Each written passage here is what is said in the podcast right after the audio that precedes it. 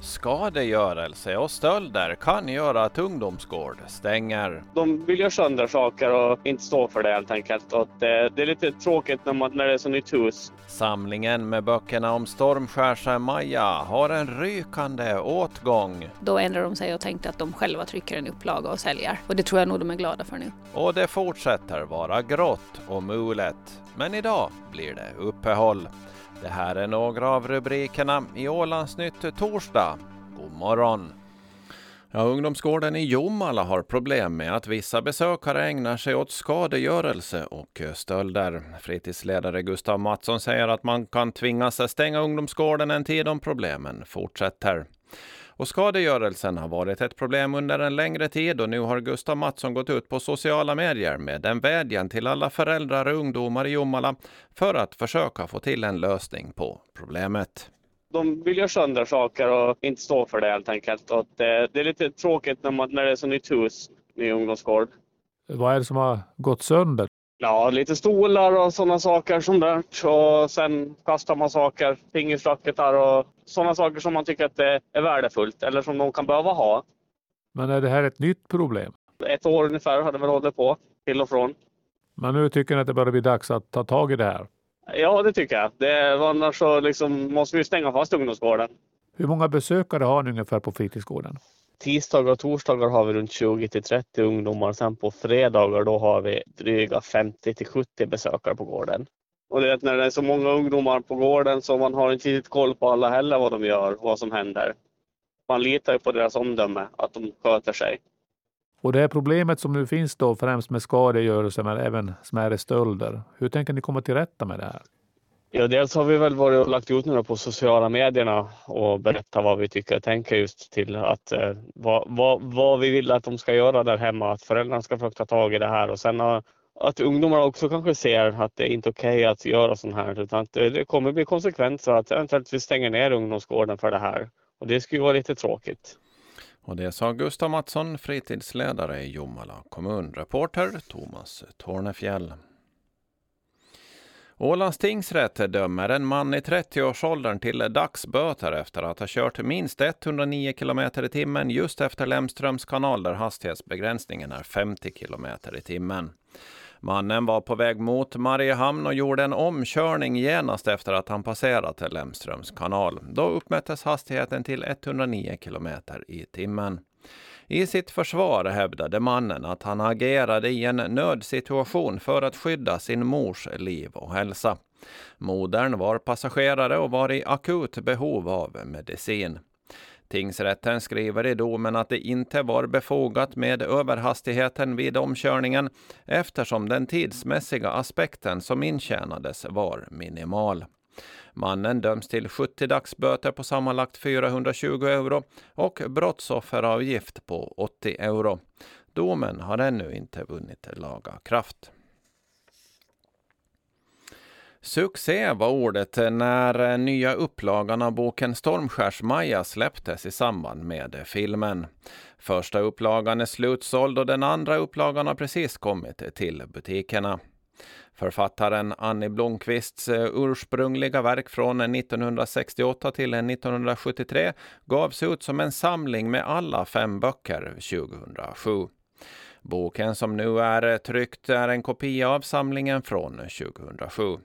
När Mariehamns bokhandel hörde att filmen skulle bli av ville de direkt ha en upplaga av samlingen från just 2007 då det var länge sedan den funnits i butiken. Vi hör Pernilla Söderlund, VD på Mariehamns bokhandel. Och då kontaktar vi förlaget och frågade om de hade planer på att trycka upp den. Och då var de först lite tveksamma. Men så låg vi lite på och så, så frågade jag till sist om, om man kunde köpa rättigheter till en upplaga. Men då ändrade de sig och tänkte att de själva trycker en upplaga och säljer. Och det tror jag nog de är glada för nu. Vi fick boken till butiken den 15 januari i år. Men trots att den kommer efter julförsäljningen så har den sålts väldigt bra.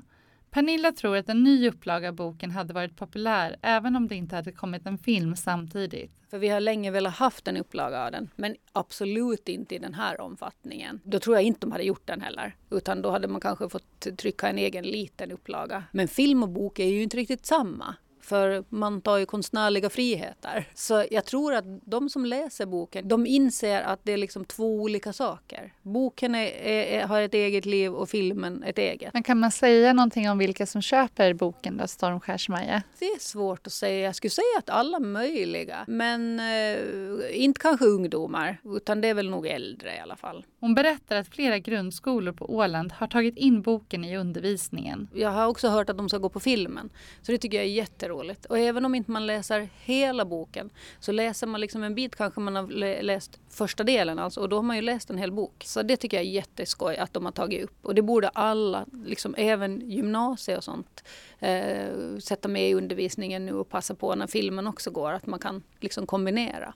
Varför tycker du att det är eh, så bra att man tar in just den till skolorna? Ja men det är ju en bit av åländsk historia, en eh, liksom kulturhistoria och, och, och en klassiker, en åländsk klassiker. Turid Joelsdotter Werngård arbetar på Mariehamns bokhandel och är just nu mitt uppe i läsningen av den nya utgåvan av Stormskärs-Maja.